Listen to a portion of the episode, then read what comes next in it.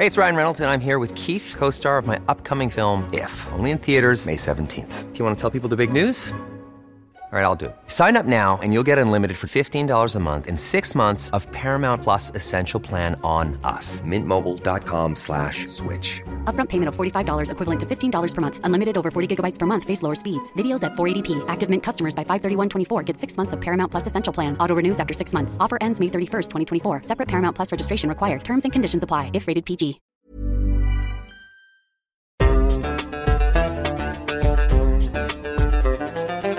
بودكاست صوت.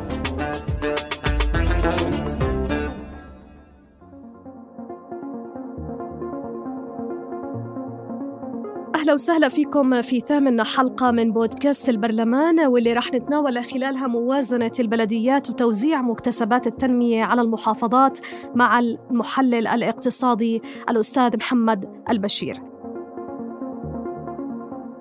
المادة 15 من قانون الإدارة المحلية لعام 2021 نصت على مهام المجلس البلدي. كان على رأس هالمهام إقرار الموازنة السنوية للبلديات وجدول التشكيلات والبيانات المالية الختامية بالإضافة لرفعها للوزير للتصديق عليها. المادة ذاتها جعلت من إقرار موازنة البلديات التأشيرية لأربع سنوات أحد مهام المجلس البلدي. أيضا نصت المادة على أنه المجالس البلدية من مهامها إدارة أملاك البلدية وأموالها والإنفاق منها على تنفيذ المهام والمسؤوليات. أيضا نص القانون على واردات البلدية في المادة رقم 24 مثل الضرائب الرسوم البدلات وريع المشاريع الاستثمارية والمساعدات والهبات. شريطة أن تحصل ما كانت منها من خارج الأردن على موافقة من مجلس الوزراء.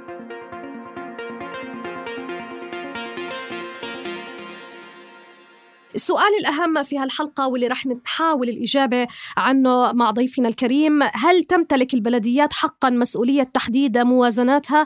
هذا ما سنحاول الإجابة عنه خلال هذه الحلقة. أهلا وسهلا فيك أستاذ محمد مرة أخرى. أهلا فيك. يعني يمكن تعديل القانون في عام 2021 لقانون الإدارة المحلية. ويمكن إحنا ذكرنا خلال حلقاتنا المتواصلة أنه تم إقرار القانون قبل أن ترسل لجنة تحديث المنظومة السياسية. الرئاسية توصياتها بهذا القانون لمجلس النواب أحالته الحكومة لمجلس النواب آه، وتم إقراره آه، آه، بعيدا عن هذه التوصيات. اليوم السؤال الأهم الذي يطرح ويعني الناس كثيرا أنه البلديات حقا هل تمتلك تحديد موازنتها أو لا؟ بالنظر لمواد القانون صلاحيات المجلس البلدي تتمثل بكثير من المهام. كان من ضمنها كما ذكرنا إقرار مشاريع الخطط الاستراتيجية إقرار الموازنة السنوية والبيانات الختامية وإقرار موازنة البلدية لمدة أربع سنوات. لكن هنالك مجلس للمحافظة وفق القانون وأيضا من أهم أدواره كان إقرار الموازنة والمشاريع للمحافظات بعد إرسالها من المجلس التنفيذي. أي أنه ال ال ال القانون لا يمنح مجالس المحافظات الاستقلال المالي عند وضع موازنتها وبتكون مقيدة بسقوف بتحددها الحكومة ووزارة المالية إلى أي مدى برأيك يعرقل هذا الموضوع مفهوم اللامركزية؟ طبعا شكرا جزيلا على هذه الفرصة التي تتاح لي مرة أخرى من خلال صوت لنتحدث عن قضايا بتهم شعبنا وتهم مؤسسات مجتمعنا بشكل عام. يعني أنا بعتقد أنه هذه خطوة آه، يعني بالهواء أكثر ما هي آه، فعلا جاد آه، في إعادة توزيع الثروة بشكل عام. آه، طبعا هذا المشروع وهذا القانون آه، القصد منه إعادة توزيع الثروة جغرافيا وخاصة عندما نتحدث عن آه، ربط ذلك في الموازنة. رغم أن البلديات تتمتع بإمكانية أن يكون لها مواردها الخاصة لكن والظروف الاقتصادية التي يعاني منها الاقتصاد الأردني تاريخيا بعنوانين عنوان هيكلية الاقتصاد الأردني فيها مشكلة من حيث أنه هناك قطاع الخدمات يحتل الحصة الأكبر من القطاع الصناعي والزراعي والمحافظات هي بحاجة إلى صناعة وزراعة أكثر ما بحاجة إلى خدمات. وهذين الاثنين إذا استطعنا أن نعالجهما على صعيد مركزي أستطيع أن أقول أنه ممكن أن ينعكسوا على شكل خدمات والجانب الثاني أن هناك فجوة في الدخول بين الناس. والمواطنين. وخاصة عندما نعرف أيضا أن هيكلية الموازنة العامة هيكلية أيضا مضطربة وصعبة. عندما نعرف أن هناك 65% من موازنة الدولة هي رواتب. وبالنتيجة لما نضيف لل 65% 18% خدمة المديونية شو ظل المشتريات؟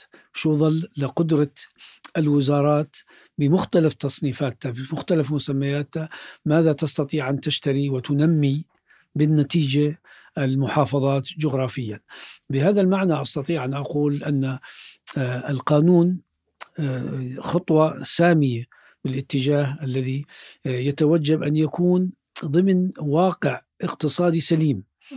غير لا يعاني من أزمات متعددة سواء كانت هذه الأزمات على صعيد المالية العامة أو انعكاسها على آه، صعيد الاقتصاد آه، بعناوينه الثلاث الصناعة والزراعة والخدمات. اذا أقول وأرجع وأقول أن البلديات لا شك أنها مرافق مهمة لكن الاهتمام فيها ليس كما يتوجب. بالإضافة إلى أن بنود الموازنة العامة للدولة اشتقاقاتها لمجلس المحافظات أجتهد وأقول أن المالية لهذه الموازنات لا تتوافق مع ما هو مطلوب من مجالس المحافظات أو المجالس البلدية من القيام به من مشاريع. بمعنى إنه أستطيع أن أقول أن أن غالبية المبالغ المرصودة من ضمن الموازنة العامة للمحافظات هي عبارة عن رواتب ومصاريف اجتماعات آه، وخدمات أخرى ذات علاقة بالأثاث والمشتريات والصيانة أين موقع؟ ذلك من المشاريع التي تطمح لها هذه المحافظات. يعني كيف أستطيع أن أنمي محافظة الطفيلة أو محافظة عجلون دون وجود موازنة حقيقية منبثقة من واردات حكومية عامة؟ يعني المواردات الحكومية هي من كل الأردن. يعني الأردنيون يدفعون على استيرادهم عبر الجمارك أو ضريبة المبيعات إلى إلى خزينة الدولة. خزينة الدولة تنفق مباشرة على البنود طبعا دوائر حكومية، وزارات، مؤسسات مستقلة إلى آخره. أين موقع المحافظات من كل هذا الانفاق؟ طب لما نرجع هون ونحكي عن موضوع مثلا المجلس التنفيذي وهو سلطة تنفيذية بالنهاية يعني ومنح صلاحيات وضع الموازنة إعداد مسودة الموازنة والمشاريع والخطط الاستراتيجية، طب يعني طالما المجلس التنفيذي وهو تابع للسلطة التنفيذية هو من يضع هذه المسودة ويعدها ويقدمها ويعد الخطط الاستراتيجية. إلى أي مدى بتعتقد أنه هذا بيأثر على فكرة اللامركزية بالقرار وبالبعد المالي أيضا بالنسبة للمحافظات؟ هلا هلا يعني لما نحكي عن المجلس التنفيذي أو الإدارة التنفيذية بأي محافظة اللي بده يشرف على الألوية وبده يشرف على على القرى وبده يشرف على كذا. هذا بده موارد مالية وصندوق. هذا يعني سيبقى نظري وأحلام كل ما يمكن أن نتحدث عنه من مشاريع إذا لم يكن هناك صندوقا قادرا على التمويل. هلأ في عنوانين، في عنوان له علاقة بالموازنة العامة والموازنة العامة غير قادرة أن تقدم للمحافظات. أي مبلغ لأغراض تتعلق بالاستثمار وخاصة عندما نتحدث عن هامشية النفقات الرأسمالية بالموازنة يعني السنة هاي حطوا بالموازنة آه، نسبة آه، أفضل بما يتعلق بالنفقات الرأسمالية لكن بالنتيجة الجزء الأكبر منها هي نفقات مدورة ذات علاقة بالرأسمال وجزء خفيف من النفقات الرأسمالية المستحدثة. حتى هذه النفقات الرأسمالية المستحدثة هي تخص قطاعات محددة ذات علاقة بالصحة وذات علاقة بالتعليم مدارس وكذا والى آخره. لكن بالنتيجة لا تعكس نفسها على كل المحافظات. إذا إذا تحدثنا عن الشق الآخر بالمحافظات هي بحاجة إلى مشاركة القطاع الخاص. مشاركة القطاع الخاص باعتبار الحكومة غير قادرة على المشاركة مباشرة بالمشاريع وممكن الحكومة أن تقدم أفكار وممكن الحكومة أن تقدم أن تستقطب آه، صناديق خارج الأردن من أجل الاستثمار بالمحافظات. بس ما هي المغريات لهذه الصناديق اللي خارج الأردن أو رأس المال خارج الأردن ليأتي إلى المحافظات؟ إذا الأزمة الحقيقية هي في قدرة هذه المجالس التنفيذية لربط كل طموحات وحاجات هذه المحافظات وهذه الألوية بما يتعلق بموضوع هام ذا علاقة بزحف الناس على العاصمة. كيف نستطيع أن نجعل من المحافظة من اللواء فرصة للاستقطاب والاستثمار؟ هذا بده قرار أيضا مركزي أو نعود إلى ماذا ننفق؟ ننفق بوزارة الصحة ننفق بالتربية. لماذا مركزية الصرف مثلا على سبيل المثال؟ لماذا نشتري نشتري لحاجات التربية والتعليم من عمان فقط؟ لماذا لا نعطي فرصة لمديريات التربية والتعليم في المحافظات لشراء احتياجياتها من المحافظة نفسها لتشغيل الناس في المحافظة لدفع المؤسسات بالمحافظة لتنمية. وهذا إذا أسقطناه على مختلف الوزارات عندما نتحدث عن وزارة الصحة نتحدث عن وزارة التربية نتحدث عن وزارة الأشغال العامة نتحدث عن كذا هناك جملة من المشاريع التي تحدث من مشاريعات استمرارا للنفقات الرأسمالية التاريخية أو استحداثا لمشاريع جديدة، إذا أعطينا فرصة لهذه المديريات المرتبطة بالدائرة المركزية ومرتبطة بلجنة المشتريات المركزية، اذا ممكن أن نفعل المحافظات والألوية في تشغيل الشركات ومؤسسات القطاع الخاص وبنفس الوقت لإشعار هؤلاء أنهم شركاء بهذه المشاريع اللي مطروحة في هذه المحافظات من خلال تلبية حاجة هذه المحافظة من مشترياتهم أو مبيعاتهم، يعني أنا لما يكون عندي شركة آه، مواد بناء على سبيل المثال، ولما يصبح الشراء مركزي وتيجي من عمان أشتري من التاجر الفلاني وأودي لمحافظة الطفيله وأودي لمحافظة الكرك وأودي لمحافظه بهذا بهذا المعنى أستطيع أن أقول أن هذا ممكن أن يساهم بشكل أو بآخر في دعم موازنات المجلس التنفيذي الذي لا يمكن أن يكون لديه قدرة على تنفيذ طموحاته إلا بوجود عمادي. قبل ما نحكي بموضوع العجز للبلديات والموازنة إيه، يمكن هون أنا بستذكر وزير البلديات الأسبق إيه، حازم قشوع. في حواره معنا في إحدى الحلقات في موضوع البلديات وآلية الاستفادة من الموازنة. هو آه، فصل في إحدى الحلقات بعض المحافظات وفق لسماتها الإنتاجية ومناخها وعدد من العوامل لحتى تقدر تستفيد من الموازنة ويصير في دخل.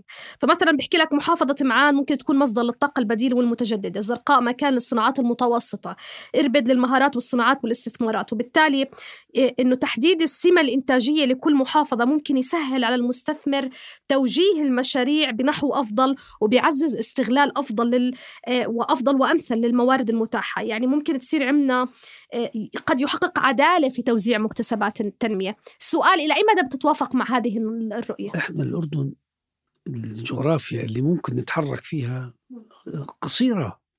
يعني إحنا مش يعني إحنا مش جزيرة.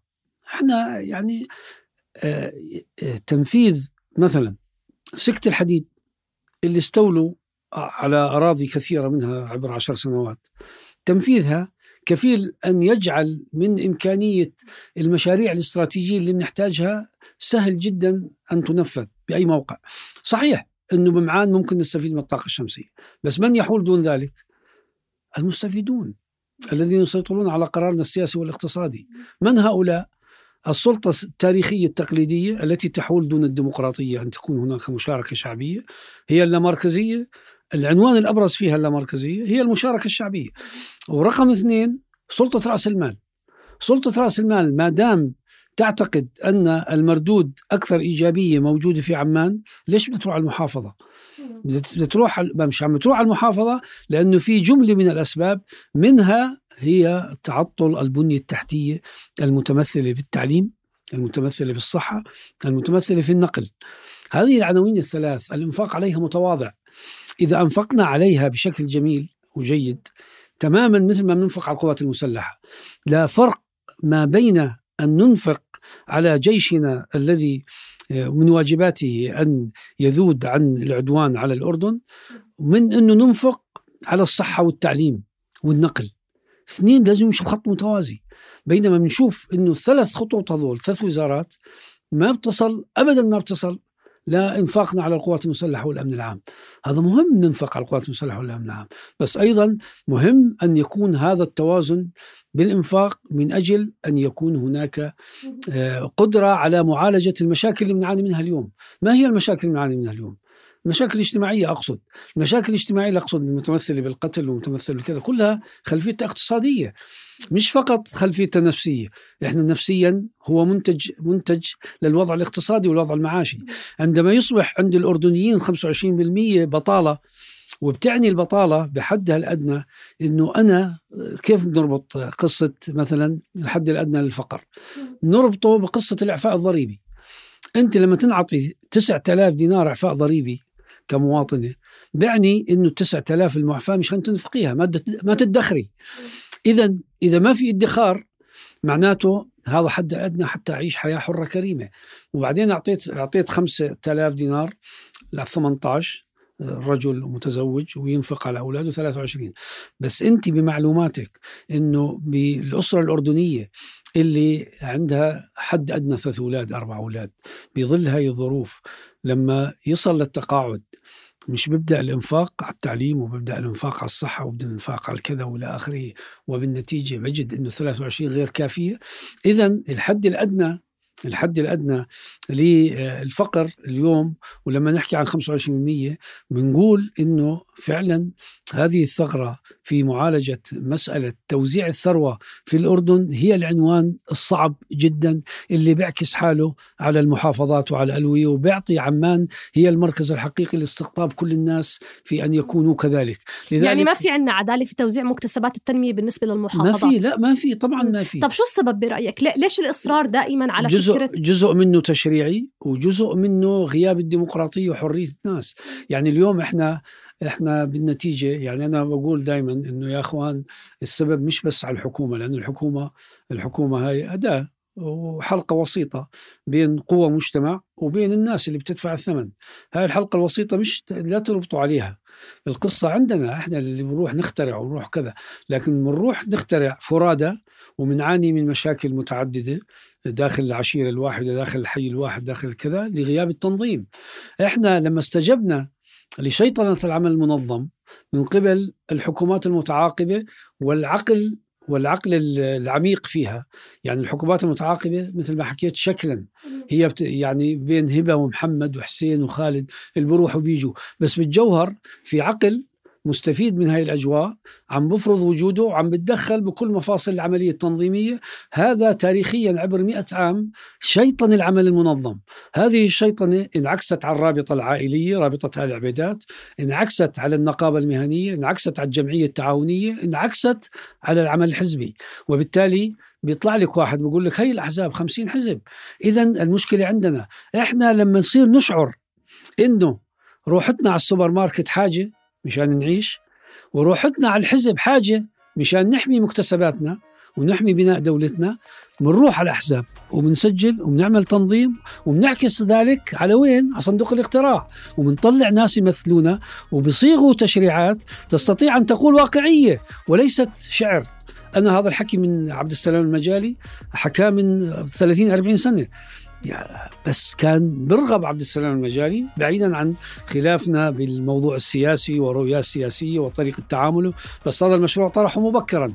لكن بده ينطرح بالوقت اللي بصير فيه عدالة بإدارة الشؤون العامة بمختلف مستوياتها سواء تبدأ بالتشريع طبعا وتنعكس مباشرة على هيكل الاقتصاد الوطني.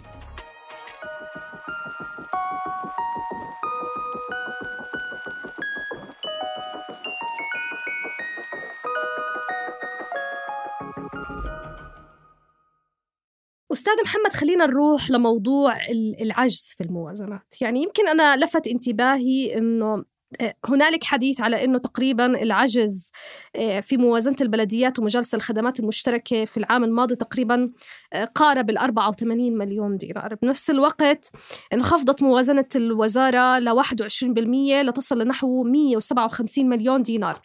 والتقديرية منها للعام الماضي بلغ 199 مليون. بذلك انخفضت مخصصات البلديات ل 140 مليون دينار. أنا كيف ممكن أفهم أنه في عنا اليوم عجز في موازنة البلديات وبنفس الوقت تم تخفيض هذه الموازنة؟ يعني ما هو القراءة التحليلية الاقتصادية لهذا الموضوع؟ طبعا بداية إذا انتبهت لما قلت أنه في هيكل الموازنة آه، هيكله صعب. لما يكون 65% رواتب. و18 خدمة الدين مليار ونص. بنحكي عن 83% 17% لمن؟ للمحافظات لمشتريات القوات المسلحة لمشتريات الدوائر الحكومية. هذا سبب من أسباب تخفيض موازنات كثير من المؤسسات. رقم اثنين إحنا بنعيش مش فقط تهرب ضريبي إحنا بنعيش أيضا عدم انتماء حقيقي لمؤسساتنا بالمحافظات وبالالويه وبالبلديات مش عم ندفع. يعني الدفع إلى هذه المؤسسات بشكل هيك نحس إنه أنا عم بعطي البلدية مشان تسوي لي شارع، بعطي البلدية مشان تضمن لي وصول المي، بعطي البلدية مشان تساعد شركة الكهرباء في إنها توصل لي كل شيء رغم إنها مسؤولية شركة الكهرباء وأحيانا تعكس على المواطنين. هاي الخدمات الرئيسية وهذا من طبعا بنسحب على التعليم وبنسحب على باقي الخدمات. هذه الخدمات بشكل عام يعني هذا جزء أساسي من مشاكلها، بمعنى إنه الحكومة في مأزق آه وأيضا هذا بينعكس على مختلف الدوائر الحكومية بما في ذلك البلديات، لكن جزء من ازمه هذه البلديات إنه إمكانياتها الذاتية متواضعة وعدم آه، ثقة الناس بأداء هذه البلديات و أو إنه أحيانا آه، باعتبارها مفروضة عليهم بشكل أو بآخر نتيجة الأسباب التي تحدثت عنها بالتدخلات وتعيين و و إلى آخره، كل هذا ساهم في أن يكون هناك عجزا حقيقيا في الموازنة. بس البلديات اللي حققت مراتب في العجز المالي أيضا ملفتة بموضوع الكثافة السكانية، يعني مثلا عم نحكي عن الكرك، عم نحكي عن السلط، عم نحكي عن الفحيص، دير علا، عين الباشا، الزرقاء، يعني إلى أي مدى بتعتقد إنه أحيانا كمان توزيع الموازنة على المحافظات لا يجب أن يرتبط بموضوع الكثافة السكانية أو على الأقل يحقق العدالة. هو الأساس كذلك. مم. إنه يعني لابد من أن يكون هذا متوازن مع عدد السكان. آه لكن برجع على السبب الرئيسي هو عدم قدرة آه البلديات على آه آه يعني خلق الثقة مع المواطنين الذين هم آه، جيوب البلديات. وبضرب مثال بالتاريخ إنه حسين بني هاني كان رئيس بلدية اربد في فترة من الفترات.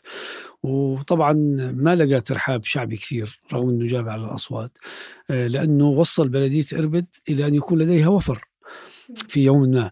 شو عمل؟ إنه ضغط على الناس واستخدم السلطة الأمنية واستطاع إنه يحصل من غالبية الشركات ومن غالبية المؤسسات الرسوم المستحقة عليهم. واستطاع فعلا أن يقدم نهضة. لكن الجو العام حمل عليه وهوجم وبجوز بالجولة الثانية ما طلع. هلأ اليوم عم نتحدث عن هذا النموذج لنؤكد مرة أخرى أن لدى البلديات هناك موارد غير قادرة على استغلالها بالشكل المناسب بالإضافة إلى صعوبة الموازنة ببنودها المختلفة كما أشرت آه، في أنها تعاني من أزمة. وهذا طبعا هو انعكاس لأزمة سياسية وأزمة مجتمعية بالمجتمع وأزمة عائدة لوضع اقتصادنا الوطني اللي بيعاني من انكماش ومش عم بيعاني من تقدم في مسائل محددة. يعني إحنا بنحكي على المحافظات. المحافظات أغلبها تاريخيا كانت تعتمد على الزراعة. نحن فاتورة الزراعة لا تصل إلى فاتورة الاتصالات. يعني شو إحنا بنحكي تليفونات؟ شو فاتورتنا بالاتصالات بمختلف أو إنترنت أو أو إلى آخره. فاتورة الزراعة أقل من ذلك. وإحنا بلد طول عمرنا كنا زراعة. وأيضا تصنيع زراعي. يعني لاحقا إحنا بعدنا بنتذكر مصنع البندورة بنتذكر مصنع الإنتاج بنتذكر كذا كيف أغلقت بسبب العقلية التي أدارت شؤوننا السياسية والاقتصادية. لأنه هذا ما كان صدفة إنه يسكر مصنع البندورة ولا كان صدفة يسكر مصنع الإنتاج. وهكذا كثير من الصناعات. وليست صدفة إنه يصير استيرادنا من المواد الغذائية يصل إلى 30 80% من استهلاكنا حسب البيانات اللي عم تطلع من الناس المتخصصين. بهذا المعنى أقول أن المحافظات في عندها إمكانيات. البعد الزراعي أنه الملك على سبيل المثال رفع شعار منذ آه، جائحة كورونا وقال الزراعة أولا. وبال 2009 و2008 وب2000 كذا طرح الزراعة أولا. ليش مش عم تمشي الزراعة؟ لأنه في سياسة تاريخية ضد إعطاء الزراعة أولوية.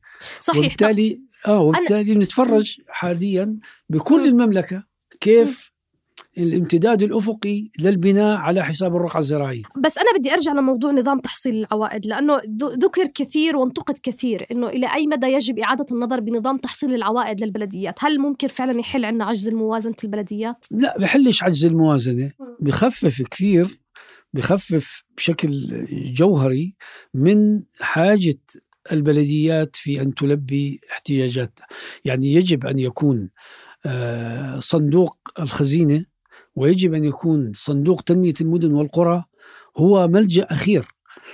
بمعنى إنه هذه النفقات الرأسمالية التي آه، تولدها المحافظات أو الألوية أو البلديات بشكل عام آه، يجب أن تكون هناك تحصيلات من البيئة المحلية ما يمكن أن يشكل أقل شيء 40 50% والباقي أن يتم استثماره كمردود كمردود استثماري. وبالنتيجة آخر شيء لازم نروح على على موازنة الدولة. باعتبار أن موازنة الدولة لديها أزماتها. لكن هذا بده خطة على المدى البعيد لها علاقة بقدرة هذه البلديات في خلق الثقة مع المواطنين. إحنا وين مشكلتنا في إنه؟ يعني أنا أنا بعطي عن حالي. أنا عندي قطعة أرض عندي قطعة أرض فرزتها عند مدينة الحسن. فرزتها البلدية وعملت كذا والى آخره بدهم مني 1500 دينار.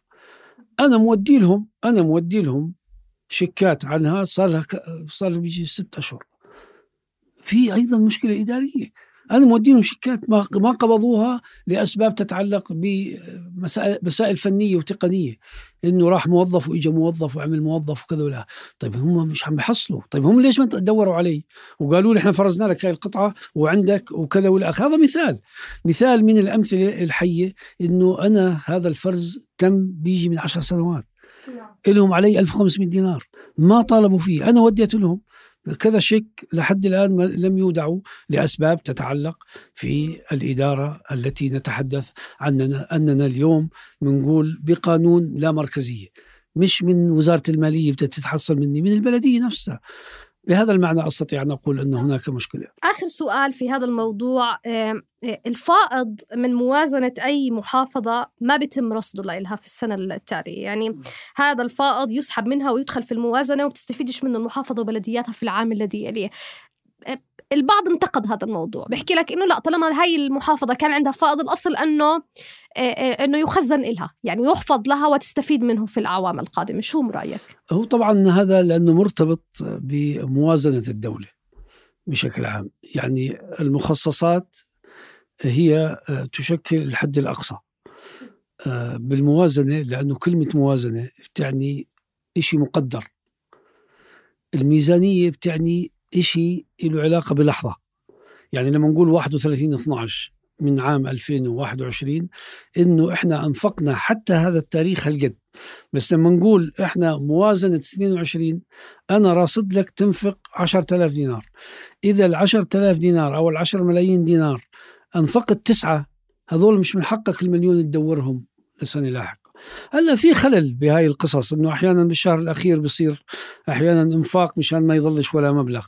بس هو بالأساس إنه إذا كان هناك في خطة واضحة للبلديه من المجلس التنفيذي ابتداء مجلس المحافظة اللي أيضا بلملم كل ما تحتاجه الألوية والقرى والنواحي والكذا وإلى آخره والأصل أن يستفاد من هذه المبالغ المرصودة. لكن مش بالتبذير. لكن بالنتيجة إذا كان هناك آه، استقلال مستقبلي واعتمدت على مواردها الذاتية وشارك القطاع الخاص في مشاريع البلديات والمحافظات بشكل عملي ممكن أن نعود إلى مسألة الميزانية الميزانية الذاتية. المتمثلة في أنه تستطيع أن تخلق تراكما اسمه الوفر المتراكم أو العجز المتراكم.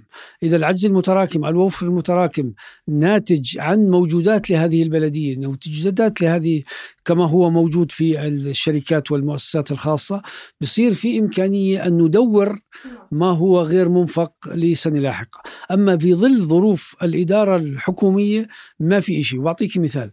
هلأ بالموازنة واردات ونفقات بس الدولة عندها موجودات هائلة. الأراضي اللي بتمتلكها المباني الحكومية اللي بتمتلكها هاي ما بتظهر بالموازنة. هلأ جديد من كم سنة عملوا شيء اسمه البيانات المالية أو الميزانية الختامية. الميزانية الختامية حتى اللي بيعمل اللي صاروا يعملوها ما بتشمل موجودات الدولة شو عندها موجودات. يعني مثلا ما ببين عندها عندها سدود وعندها سيارات وعندها ماكينات وعندها أراضي وعندها كذا لأنه آه، طبيعة المالية العامة هي طبيعة إنفاقية مستقبلية وتوقع بالإيرادات وتوقع بالمنح وتوقع بالقروض آه، وبالتالي كلها توقعية والفعلية بتصير ماضي لتحديد آه، يعني آه، معايير تأشيرية على مدى التزام الحكومة بهذه الخطة التي وضعتها خلال عام. أنا بدي أشكرك في ختام الحلقة أستاذ محمد البشير المحلل الاقتصادي. كنا نتناول ونطرح موضوع موازنة البلديات وتوزيع مكتسبات التنمية. في ختام هالحلقة من بودكاست البرلمان يزن قواس من الهندسة الصوتية من التحرير عمر فارس البحث بيان عاروري أنا هبة عبيدات من الإعداد والتقديم. بودكاست البرلمان من إنتاج صوت.